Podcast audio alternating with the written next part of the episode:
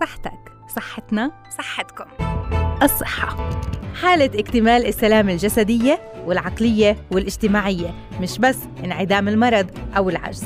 حافظ على صحتك لتعرف قيمتها قبل ما تفقدها وتحافظ على الوسادة الناعمة اللي رح تستند عليها أيام شيخوختك لتضل بصحتك تابعنا ببرنامج الصحة عال إعداد وتقديم سماح منصرة لتضلها صحتكم عال العال.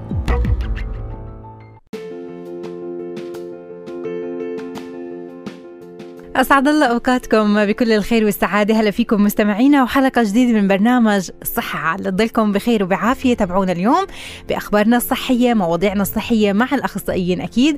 لنتعرف على أمراض أعراض ممكن تظهر علينا تظهر علينا فجأة ممكن فلحتى نتعرف على أسبابها والعلاج والوقاية.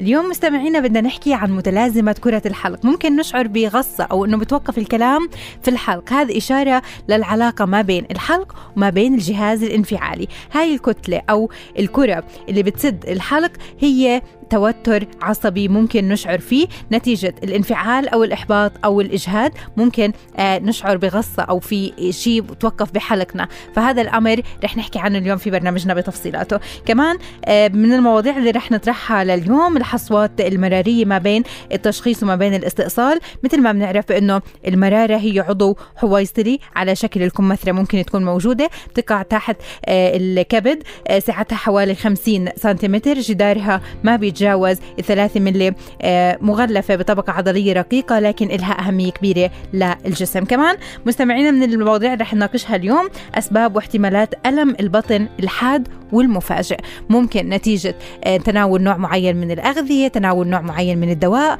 فبدنا نعرف عن, عن الألم ألم البطن الحاد والمفاجئ شو بتكون أسبابه. والعديد من المواضيع الثانية بانتظاركم بالإضافة للأخبار الصحية من العالم. من هلأ بنبدأ ساعة من الزمن. مساء الخير. مستمعينا أولى المواضيع اللي رح نناقشها لليوم شعورنا بغصة أو ممكن نشعر بأنه بتوقف الكلام في الحلق هذا إشارة لأنه في علاقة بين آه، الحلق وبين الجهاز الانفعالي. هاي الكتلة أو الكرة اللي بتسد الحلق هي في الواقع توتر آه، عضلي. عند الشعور بالانفعال أو الإحباط أو الإجهاد تبدأ فتحة العضلة الصغيرة الواقعة في الجزء الأدنى من الحلق آه، في يعني أسفل الحنجرة بالتوتر. وممكن إنه فعلا نشعر بصعوبة بالحديث أو حتى صعوبة بالبلع. لهيك اليوم بدنا نناقش هذا الموضوع التشنج العضلي في الحلق الأسباب والعلاج مع الدكتور حاتم ملاك مدير مستشفى الذكاء بطول كرم وأخصائي الأنف والأذن والحنجرة. دكتور حاتم أهلا وسهلا فيك سعد أوقاتك. مساك الخير ومساء الخير لجميع المستمعين. أهلا وسهلا بحضرتك. دكتور اليوم بنحكي عن متلازمة كرة الحلق. خلينا بالبداية نوضح هذا المصطلح للمستمع. نعرفها بطريقة مبسطه لكي يستطيع أي مستمع انه يعرف شو معناها. بسموها اللقمة العصبية. هاي بمعنى آخر إنه بصير عند الواحد نوع من التشنجات اللي موجودة في عضلات الحلق بحيث زي ما تفضلتي إنه امرار بتؤدي إلى عدم آه، استطاعته للكلام أو عدم آه، أو يكون في صعوبة في البلع. تمام. هاي أنا بعتبرها نوع من أنواع التحسس. م. التحسس اللي موجودة في الحنجرة قد يكون قد يكون من أنواع معينة من الأكل بيؤدي إلى تهيج في الأغشية المخاطية بتؤدي إلى وجود البلع. هاي بسميها نوع من التحسس ومربوطة بغير الأكل إنه يكون في مشاكل في الجهاز الهضمي. ولكن اللي, اللي أنت قصدتيه في الكلام اللي بنسميها اللقمة العصبية هي نوع من التحسس ناتج عن التوتر العصبي. بحيث يعني شو اللي الواحد اللي بيصير إنه لما الإنسان يبقى عنده آه، توتر معين بيؤدي إلى انقباض هاي العضلات مما يؤدي إلى التأثير على العصب بسبب آه وجود آه صعوبة في البلع أو صعوبة في الكلام أحيانا.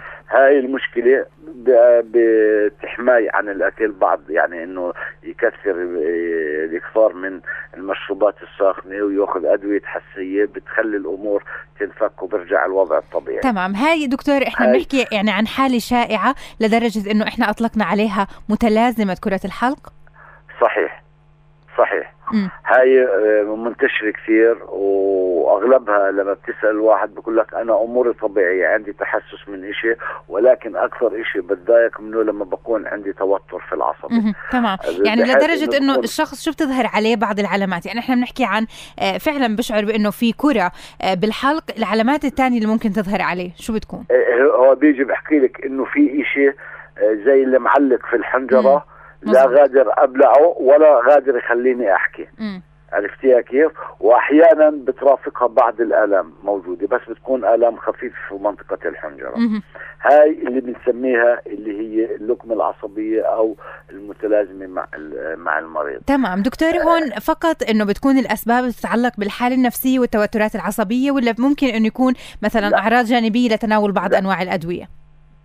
الأدوية حكينا هاي مربوطة في نوع من الأكل أوه. نوع من الأدوية مم. وتوتر في الجهاز الهضمي تمام يعني, يعني ثلاث واحد أسباب. عنده مشكلة في المعدة أو في الكولون العصبي بسموها أو آه أي مشاكل في الجهاز الهضمي قد تؤدي إلى وجود هاي الظاهرة مم. تمام هاي ظاهرة مؤقتة ممكن السيطرة عليها زي ما حكيت لك بالتحماي عن أنواع الأكل اللي بتسببه مم. وهي للأسف بتكون من مريض لمريض مختلف عن المسببات.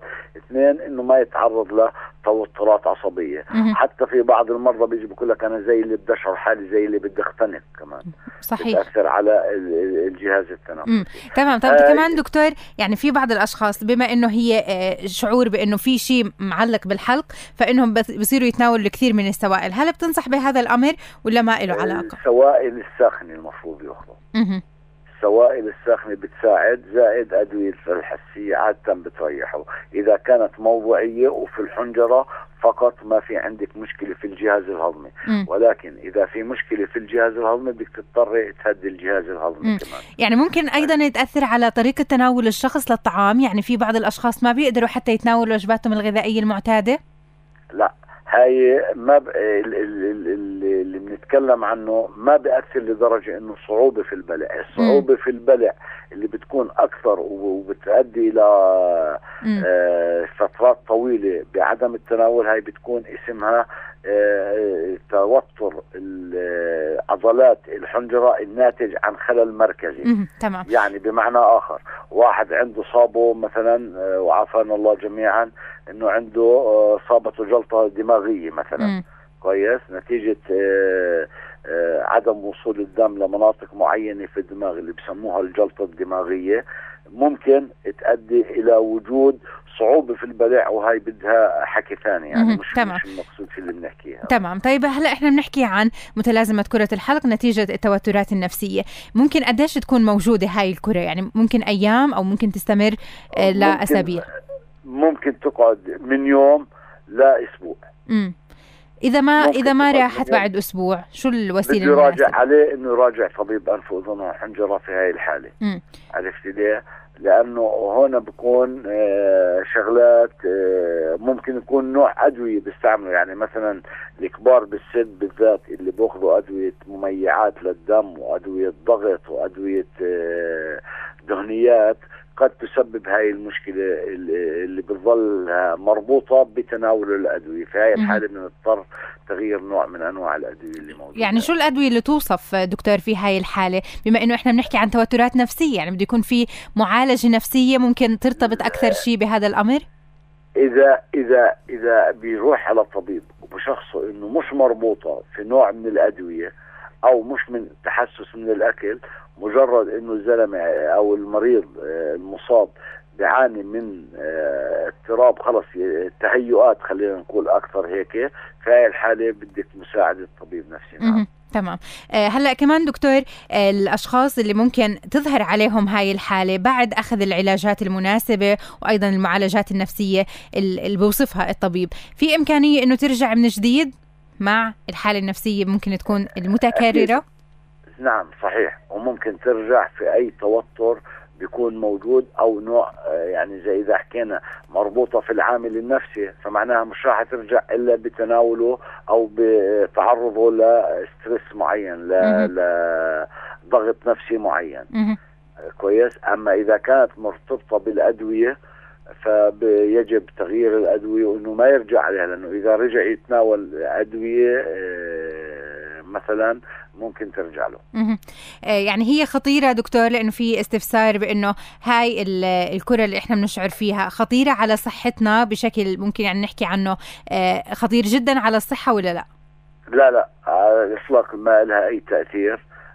هي بسموها ديسكomfort يعني إزعاج. وليس لها أي أعراض جانبية بتكون موجودة. تمام، بدي أتشكرك أكيد الدكتور حاتم ملاك مدير مستشفى الزكاه بطول كرم وأخصائي الأنف والأذن والحنجرة يعطيك ألف عافية، مستمعينا رح ننتقل معكم لفاصل وبعد الفاصل رح نرجع لحتى نستكمل مواضيعنا. على أثير راديو علم متواصلين معكم مستمعينا المرارة عضو حويصلي على شكل الكمثرى بتقع تحت آه، الكبد سعتها حوالي 50 سنتيمتر.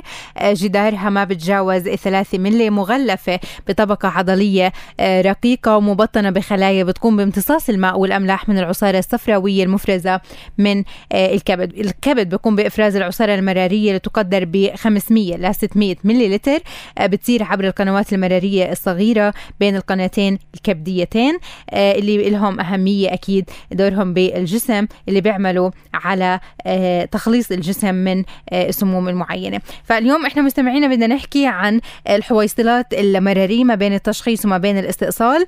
موضوعنا هذا رح نناقشه مع الدكتور محمد الرن استشاري جراحة الجراحة العامة والمناظير والأورام ورئيس قسم الجراحة في مستشفى الشفاء.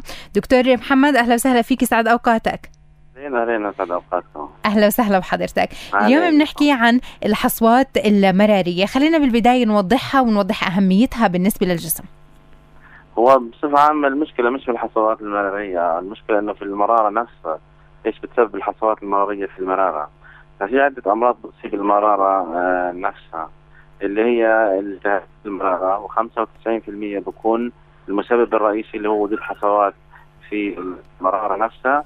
يعمل تهيج والتهابات وطريقة يعني آه، عدة طرق تصل إلى إلى مضاعفات أمراض اللي هو المرارة و5% آه، هو التهابات بدون آه، بدون وجود حصاوي وهذه بتكون عند الناس المعرضين لنقص المناعة أو أو اللي عندهم أورام أو اللي عندهم مشاكل أخرى تضعف من مناعتهم أو من قوتهم الدفاعية. لكن العادة لما نحكي عن مرارة بالمفهوم العام نحكي عن حصوات يعني عن حصوات في المرارة وما تشكل هذه الحصوات. صح الحصوات بتعمل تهيج في غدار جدار الحويصلة هذه. هذا السبب البسيط للالتهابات. ثم تدخل بكتيريا وتعمل التهابات ويصير اللي هو يصير تضخم في أو آه، في جدار المرارة ويبدا المريض يعاني من آه، اللي هو آلام المغص المراري الموجود أسفل البطن على الجهه الجهة اليمين. تمام. طيب دكتور؟ هذا شكل واحد. الشكل الثاني ممكن يكون تيجي حصوه انسداد في القناة المرارية اللي هي من اللي بتنزل صارت صفراويه من المرارة على القنوات المرارية. وأنا بتكون العلامات أكثر حدة بكون مغص مراري شديد جدا و يعني هذا في عدة اشكال الحال كيف تمام يعني في عوامل ممكن تكون مساعدة على الإصابة بالحصوات المرارية لهيك ممكن آه إنه تظهر آه. عند أشخاص وما تظهر عند أشخاص آه، آخرين. آه بالضبط. هو معروف يعني في فئة مستهدفة أو متعرضة للإصابة بالحصوات المرارية اللي هم بيقولوا يعني الستات ال female ال fertile اللي بيولدوا كثير جسماني كثير اللي ما عندهم مش نشاط رياضي فوق ال 40 و50 سنة. هم هذول الفئات المستهدفة اللي ممكن يعني يحصل عندهم آه، ظهور حصوات في المرارة ومضاعفاتها. لكن صحيح تغير عادات المجتمع والتحضر المدني الموجود أصبحت هذه القاعدة غير غير مستقرة. يعني أصبحت إنه هناك آه، بالفعل في ستات صغار في السن في شباب في رجال بتعرضوا للإصابة بالحصوات المرارية وهذا يعتبر على ال lifestyle يعني على نمط الحياة. وبيعتمد على اللي هو طريقة الأكل وطريقة تمام يعني ممكن إنه الأشخاص مثلا اللي, اللي بيعانوا من السمنة يكونوا أكثر عرضة مثلا من غيرهم؟ آه آه معروف الستات الجسمان الفرتايل اللي اللي بيتعرض بيولد أكثر من مرة فهذول أكثر عرضة للاصابه بحصوات المرأة وهي غير قاعدة شاملة يعني ما في تمام. ممكن أيضا دكتور يكون التقدم بالعمر من الأسباب اللي بتؤدي لتكون الحصوات المرارية؟ لا هو الفئة الأكثر استهدافا هي من 40 لل 50 بصفة عامة لكن ممكن تصيب أي سن إنما في خصوصية لإصابة الكبار في السن اللي هي إنه بتكون آه، بالعادة في هناك خوف يكون في اختلاط بينه خلط بينه وبين الأورام. آه وبناء عليه بتكون الأمر أكثر جدية في التعامل مع الحصوات في المرارة وبالذات لما تبقى معارضة يعني مصحوبة بعوارض أخرى يعني. طيب إذا كان في آه، كسل في حركة المرارة نتيجة مثلا أنواع الأغذية أو بعض أنواع الأدوية هل هذا أمر أيضا بيؤدي لتكون الحصوات؟ آه طبيعة الحال يعني ممكن يكون هذا مرض بحد ذاته لنفسه ممكن يكون هذا من عوامل آه، اللي هو آه، حدوث الحصوة أو تكوين الحصوات ممكن يكون الكسل نفسه بحد ذاته بيعطي أعراض أعراض الحصوات المرارية أو التهاب المرارة أو بكون سبب سبب من أسباب تكون الحصوات داخل اللي هي المرارة. تمام. طيب دكتور هلأ شو الأساليب الوقائية عند كثير من الأشخاص آه، أو عند كل الأشخاص لحتى ما يصابوا بالحصوات المرارية؟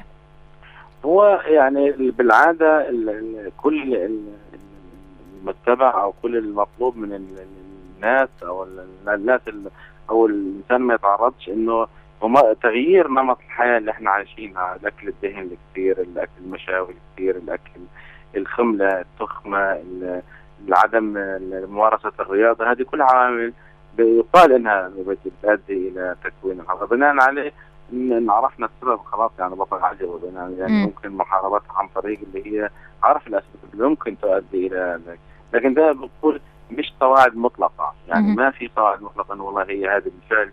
ممكن كل واحد ما يجي ما يلعبش رياضة أو يأكل كثير تحصل عنده حصى لا.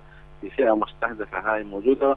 وأحيانا ممكن لا يمكن اللي هو الوقاية من من حدوث طيب شو هي المضاعفات المصاحبة للحصوات المراريه؟ يعني شو الأمور اللي ممكن تظهر آه على الشخص؟ آه, آه المضاعفات في منها تعرف العادي المتعارف عليه اللي هي التهابات في المرارة وحصوات في المرارة والام وبصير المريض ما هو طبيعة الحال مريض ما بروح على الطبيب لما يكون عنده ألم شديد. ما بروحش عشان يعمل تشيكينج أو حاجة. آه هذه واحدة. الحاجة الثانية ممكن يدخل المريض في مضاعفات أكثر اللي هي زي التهاب أو غرغرينة في جدار المرارة ثم انفجار في جدار المرارة أو سقوط حصوات من المرارة عبر عبر ال 12 أو عبر القناة المرئية ويعمل انسداد انسداد في الأمعاء. بالنسبة لانفجار الحصوات المرارة في في تجويف البطن هذا من أخطر الحالات طبيعة الحالة بتكون نسبة الوفاة بالعادة عالية كثير وهذه تحصل عند الناس اللي عندهم آه، يعني هبوط في المناعة أو اللي هم مين كومبرومايز أو اللي بيعرضوا أو اللي بيتعرضوا لأمراض مزمنة زي السكر والأمور والأمور الثانية. فبكونش اللي هو عرض الأعراض واضح من البداية وبكونش يعني لكن يعني أعراض تراكمية ممكن هي اللي تخلي الشخص آه إنه يلجا آه للطبيب اعتقد درجات في المضاعفات درجات في المضاعفات. أبسطها اللي هو المغص المراري واكثرها اللي هو التهاب البروتوني الصفراوي يعني. تمام. نسمع عادة دكتور إنه في استئصال للحصوات المرارية متى بتلجأوا لاستئصالها؟ وأيضا آه، كيف مثلا بتشخصوا الشخص اللي لازم تشيلوا له الحصوات المرارية؟ آه، بصفة عامة زمان كان في مدارس الاجتهادات أنه الإنسان اللي ما عندوش آه، علامات مع وجود حصوة المرارة ما بنعملوش حاجة. والإنسان اللي بيعاني من التهابات مزمنة في المرارة أيوه بناء عليه هذا إنه بنعمل له بنعمل له عملية. لكن مع تطور الجراحة مع ظهور جراحة المناظير أصبح إنه يعني هي أصبحت عملية بسيطة روتينية بتنعمل بدون مشاكل بدون مضاعفات بدون جروح. آه، وبناء عليه أصبح إنه أي إنسان يكتشف عليه إنه آه، عنده حصوات في المرارة ننصح بيعمل العملية خوفا آه، من المضاعفات لأن إذا كان صغير في السن فبكون أمامه عمر كبير إنه يحصل عنده مضاعفات وإذا كان كبير في السن بنخاف من المضاعفات أو من أو من وجود أعراض لأمراض ثانية أخرى. تمام، آه كمان دكتور آه إذا إحنا شلنا الحصوات في إمكانية إنه ترجع من جديد؟ لا هو بالنسبة هي ما ما بنرفع عن الحصوات، إحنا بنرفع المرارة مع الحصوات كاملة. وبناء عليه تكوين آه في شيء مش موجود لا يمكن. آه لكن ممكن إنه يحصل تكوين حصوات في القنوات المرارية. آه تمام. وهذه قضية ثانية أخرى. يعني. طيب النصائح اللي بتوجهها للأشخاص اللي آه، خضعوا لعملية استئصال المراره شو أبرز هاي النصائح؟ آه دائما يكون الأكل مش كثير يعني ما يكونش الأكل دهن كثير. يحاولوا الرياضة لأنه ممكن هذا يعمل تجمع في اللي هو الدهون في الكبد. وبناء لازم نتخلص من الكميات هاي. فبناء بصفة عامة؟ اللي عنده مرض أو ما عندوش مرض. يعني لازم يتبع نظام معين صحيح. خوفا من تكونها أيضا. أكيد أنا بدي أتشكرك الدكتور آه، محمد الرن استشاري جراحة الجراحة العامة والمناظير. يعطيك ألف عافية. مستمعينا ابقوا معنا. مستمعينا كمان رح نروح لفاصل قصير وبعد الفاصل رح نحكي عن أسباب واحتمالات ألم البطن الحاد والمفاجئ. شو بتكون هاي الأسباب؟ هل هي ممكن تتعلق بين يعني نوعية الغذاء اللي ممكن إحنا تناولناه ببعض السلوكيات الخاطئة ممكن بالحركة؟ تحركنا حركة غير مناسبة هي اللي أدت لإصابتنا بألم في البطن. بالإضافة للأسباب الثانية اللي رح نذكرها أكيد مع الطبيب المختص. كمان مستمعينا مثل إحنا ما بنغذي جسدنا كمان في تغذية تغذية للعقل لحتى العقل يضل نشط بطريقة جيدة. تساعدنا على التذكر وتساعدنا على استحضار المعلومات بأوقاتها المناسبة. فاليوم بدنا نحكي عن الغذاء المناسب لتنشيط العقل. كونوا معنا بهاي المواضيع بتفصيلاتها. أي استفسار عندكم بعتونا إياه على رقم ال SMS 37631 خلينا نروح هلأ لفاصل وبعد الفاصل رح نرجع ابقوا معنا. مستمعينا متواصلين معكم في أسباب واحتمالات لألم البطن الحاد والمفاجئ. مثلا إذا كان الألم شديد في احتمال أنه يكون في التهاب بالزائدة الدودية أو في انسداد معوي في التهاب آه، في البنكرياس ممكن هذا الالتهاب يكون حاد. إذا كان هذا الألم ألم البطن مصاحب بدرجة حرارة ممكن تتخطى 37 آه، ونص درجة مئوية فهون ممكن يكون في آه، مرض معوي أو التهاب ببعض أعضاء الجسم الألم إذا كان في ألم شديد في وسط البطن وبتجه أيضا لوسط الصدر أو العنق أو حتى الكتفين احتمال إنه يكون في نوبة قلبية. فاليوم بدنا نحكي إحنا مستمعينا عن الأسباب اللي بتأدي لألم البطن لما يكون حاد جدا ومفاجئ أيضا. بدنا نشرح أكثر عن هذا الموضوع مع الدكتور ناصر أبو شعبان مدير عام تنمية تنمية الموارد البشرية في وزارة الصحة. دكتور ناصر أهلا وسهلا فيك يسعد أوقاتك. أهلا وسهلا بك وبالأخوة المستمعين جميعا. أهلا وسهلا بحضرتك. آه، دكتور اليوم بنحكي عن آه، الم البطن الحاد والمفاجئ. آه، بداية شو الأسباب اللي ممكن تؤدي لحدوث هذا الألم؟ نعم بسم الله الرحمن الرحيم. يعني للتوضيح للأخوة المستمعين زي ما تفضلتي ألام البطن الحاده والمفاجئه اللي هي بتمنع الشخص أو من إنه يمارس عمله اليومي تعتبر حاجة تستاهل الانتباه والمراجعة الطبية. إيه، أيضا قبل أن نبدأ بالأسباب فيها إيه، نود أن نذكر انه في حوالي 35% من حالات ألم البطن المفاجئ والحاد تكون ما يسمى non-specific يعني آلام بطن غير محددة. وفي الغالب بتكون أشياء طارئة من انتفاخ أو وخلافه. حوالي 30 في 28 30% بيكون نتيجة التهاب بالزايده حوالي 10% بيكون التهاب بالمرارة أو حصوات المرارة. ثم بعدين أقل حوالي 5% انسداد معوي حوالي 5% مشاكل نسائية إذا كان في النساء. ثم التهاب البنكرياس وماس كلوي قرحة والأشياء الأخرى بنسب أقل. اذا النسبة الكبرى تكون آلام غير محددة. تمام. إيه، يعني إيه، تكون ولكن إيه، طبعا لأهمية وخطورة المشاكل الصحية التي آه، تظهر بهذه الصورة آه، طبعا يجب الانتباه لها تمام يعني في بعض آه. الأشخاص بعرف أنا دكتور إنهم يعني ما كان عندهم أي شيء بجسدهم يعني أي نوع من الألم لكن ظهر ألم البطن فجأة فاكتشفوا فيما بعد إنهم عندهم كتلة داخل البطن فقديش نعم. هذا يعني مؤشر خطير جدا لما يكون في ألم بالبطن يكون حاد ومفاجئ أيضا نعم عشان كده يعني أي شخص يعني يواجه مثل هذا الألم. أي ألم مفاجئ يستمر لفترة مناسبة؟ إيه، يعني نقول من ساعات إلى إلى 24 ساعة يجب أن يراجع الطبيب.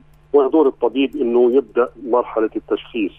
طبعا إذا كان الألم في أعلى البطن له دلالة معينة حسب الأعضاء. إذا كان في أسفل وسط البطن زي ما تفضلتي له دلالة معينة. إذا كان في أسفل البطن إذا كان سيدة أو رجل.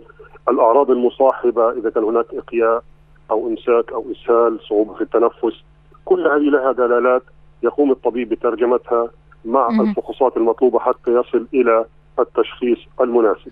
تمام. لكن دكتور هون إذا كان مثلا آه العمر يعني مثلا شخص طفل طفل مثلا عانى من ألم في البطن هل بتختلف مثلا الخطورة ما بين طفل وما بين مثلا شاب أو حتى مسن عنده نفس الألم؟ بالتأكيد. آه طبعا. يعني زي ما تفضل إذا كان طفل معظم الأمهات بتبقى عارفة إذا الطفل حتى الرضيع بدأ يبكي بطريقة معينة ورجليه تنقبض على بطنه بتعرف إنه عنده شوية غازات أو ما ما ما دشاش كويس بعد الرضاعة. إذا كان أكبر شوية وعنده شوية آلام بتعرف إنه هو يمكن آلام الجوع أو إنه عنده إمساك نوعية الأكل اللي بيأكلها. الأدلت واللي هو الشخص البالغ آلام البطن لا هنا مختلفة. آلام البطن بدأت في أعلى البطن ثم حول السرة وانتقلت لازم نشك في التهاب الزايدة. زي ما سبق وتفضلت إذا كانت مصاحبها حرارة هذه علامة يجب أن يراجع المستشفى مباشرة. أيضا ممكن ممكن دكتور بس إنه قبل ما نحكي عن الحالات الثانية ممكن إنه في بعض الأشخاص آه، تظهر عندهم أيضا فقاقيع بالجلد أو مثلا حكة وحركة موقع الألم. فهون شو شو بيكون الحال؟ يعني شو بيكون التشخيص؟ آه، هناك بعض الحالات نسميها الغير جراحية التي تظهر على شكل الام بالبطن. اللي ذكرتيه تفضلت في بعض المشاكل الجلدية زي ما يسمى الحزام الناري أحيانا بيلتبس التشخيص حتى على بعض الأطباء بإنه آلام حادة بالبطن بالذات لو أخذ حزمة عصبية على جدار البطن اللي هو ما يسمى بالحزام الناري وبيكون مؤلم ومؤلم للغاية. آه هذا أحيانا بيظهر اللي هو الحبيبات بس بتاخذ وقت حوالي أربع خم أيام إلى ست أيام حتى تظهر. في هذه الفترة السابقة ممكن أن يلتبس التشخيص على الممارس. بالنسبة لكبار السن طبعا الام البطن تفسيرها مختلف. يجب أن تؤخذ بجدية. ممكن أن تكون يعني قرحة في المعدة حسب مكانها. ممكن تكون انسداد معوي ممكن تكون كتلة. آه، يجب أن يؤخذ التاريخ المرضي آه، بدقة من المريض يتبع الفحص السريري ثم طلب الفحوصات المناسبة. وفي الغالب الطبيب بعد ما يأخذ التاريخ المرضي من المريض حوالي 90% بيكون تكون تشخيص في ذهن الطبيب يكمل هذا بالفحوصات سواء المخبرية أو الشعاعية. تمام. طيب هلأ كمان الأساليب الوقائية مثلا للأشخاص اللي بيظهر عندهم يعني بطن وجع البطن المتكرر ما بتكون مثلا أسال يعني أسلا أسل يعني عفوا ما بتكون أسباب خطيرة. فهون شو بتنصحهم؟ بالنسبة للأطفال طبعا معظم الأطفال بحاجة إنه طبعا اللي في سن المدرسة وخلافه بيكون عندهم يعني آه، اللي هو بنسميه الطفيليات المتكررة في الامعاء آه، بيأكلوا برا البيت المدرسة ما بيرعوش كثيرا نظافة الأيدي قبل الأكل وبعده والحمام. فبالتالي بيكون عندهم التهابات طفيلية متكررة والأمهات في منهم بيبقوا عارفين أو مدركين هذا الشيء. أو الطبيب الأسرة لما بيروحوا له طبيب المركز بيعمل لهم تحليل البراز. واحيانا بيعطي العلاج مرة ومرتين وثلاثة. بعد فترات حتى يقضي على هذه الطفيليات العادات الغذائية يجب أن تكون يعني صحية. العديد من أطفالنا الآن بيأكل آه، يعني أكثر من الأكل الصحي والوجبات المناسبة الصحية. بياكلوا اللي هو من الأشياء الملونة من السوبر ماركت الشوكولاتات والشيبسي والكولا. وهذا بيعمل اضطراب غذائي ناهيك عن القيمة الغذائية المفقودة. طبعا بيكون بيكون في ضعف آه، الدم و ومشاكل يعني قديش هي الأساليب الوقائية ممكن تجنبنا آه، الإصابة بأمراض وأيضا تجنبنا الأعراض اللي ممكن تظهر علينا من ألم البطن الحاد والمفاجئ. كل الشكر لحضرتك الدكتور ناصر أبو شعبان مدير عام تنميه الموارد البشرية في وزارة الصحة يعطيك ألف عافية. كونوا معنا دائما متابعينا وتابعونا في برنامج الصحة عال. تضلكم بخير وبعافية. رح نحكي عن ألم البطن الحاد. شو الأسباب اللي بتأدي لحدوث هذا الألم وكيفية التعامل معه؟ بالإضافة للزهايمر شو أبرز الأسباب اللي بتأدي لحدوث هاي الحالة والتعامل معها بالشكل الصحيح والعلاجات اللي توصف؟ وأيضا الأساليب الوقائية. كونوا معنا وبرنامج الصحة عال. طيب المتابعة. تحياتنا لكم مستمعينا النظام الغذائي والذاكرة. الكثير آه، من الأخصائيين والأساتذة بعلم النفس والأعصاب حكوا بأنه آه، الأشخاص اللي ممكن يكونوا عرضة للإصابة بالزهايمر في الستينات أو السبعينات من عمرهم هاد عندهم مشكلة آه، بتغذية العقل عندهم. يعني ما تناولوا نظام أو ما اتبعوا نظام غذائي صحي لحتى يزود العقل عندهم بالظروف المناسبة اللي ممكن تهيئوا دائما للتذكر واستحداث المعلومات. المعلومات بوقتها. آه، كان في أيضا عندهم أكبر عدد ممكن من التجمعات للبروتين اللزج آه، اللي ممكن أيضا يؤدي لتدمير خلايا المخ ممكن يكون إشارة للإصابة بمرض الزهايمر. لهيك اليوم مستمعينا بدنا نحكي عن الغذاء الصحي المناسب للعقل بالتحديد مع الدكتور محمد الراعي أخصائي التغذية والجهاز الهضمي. دكتور محمد أهلا وسهلا فيك سعد أوقاتك. أهلا وسهلا بكم. أهلا وسهلا بحضرتك. دكتور اليوم بنحكي عن آه، الغذاء المناسب للعقل. بداية خلينا نوضح العلاقة ما بين آه، تناول الأغذية وما بين صحة العقل. آه، يعني هو العقل السليم في الجسم السليم والنتيجة طبعا عكسية. فإحنا من من الواجب ومن المهم ان نتناول الوجبة الصحية الكاملة بمعنى إنها تحتوي على كل المواد الغذائية اللازمة وأهمها طبعا الكربوهيدرات والبروتين والدهون. هناك بعض الاعتقاد السائد عند الناس إنه عدم الإقلال من الدهون صح. الدهون طبعا تنقسم إلى نوعين.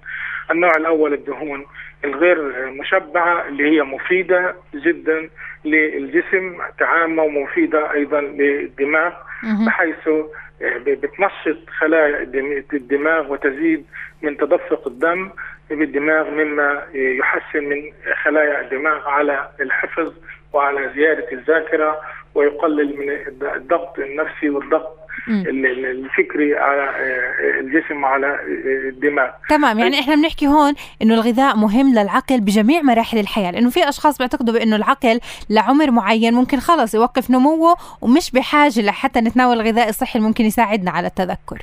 لا هو كما من المعروف إنه كل خلايا الجسم تتجدد ما عدا خلايا الدماغ. اللي هي خلايا الجسم بصفة عامة كل يوم تتجدد ما عدا خلايا الدماغ فهي لا تتجدد م. ولكن مهم آه، الغذاء المناسب والصحيح والسليم للدماغ لكي تزيد من من آه، من فائدة الخلايا على مستلزمات الحياة كالفكر والحفظ والذاكرة فهذا مهم جدا طبعا. تمام. طيب أنواع الأغذية اللي بدنا إحنا آه، نركز عليها لحتى نمد العقل ب آه، يعني بالظروف المناسبة. شو أبرز أنواع هاي الأغذية؟ يعني هناك أطعمة طبعا كما أسلفنا وكما أسلفتم في بداية تقديمكم للحلقة. آه، الأغذية طبعا الغنية بالفيتامينات والدهون الغير مشبعة اللي هي طبعا بتزيد من قدرة الدماغ ومن أهم هذه الأغذية طبعا الأسماك. وبخاصة الأسماك الزيتية الغنية بالأوميجا 3 اللي الدهون الغير مشبعة اللي تسمى بالأنساتوريتد فاتي أسيد واللي مهمة جدا في تركيب خلايا الدماغ وأهم هذه الأغذية مثل طبعا السردين والسلمون. فننصح طبعا بتناولها من المفروض حسب الهرم الغذائي أنها يتم تناولها مرتين في الأسبوع. وفي حالة طبعا زيادة الدراسة والضغط النفسي والامتحانات ممكن إن تزيد هذه عن ثلاثة لأربع مرات اسبوعيا. أيضا هناك عند الأطفال طبعا مهم جدا نأخذ اللي هي البروتين.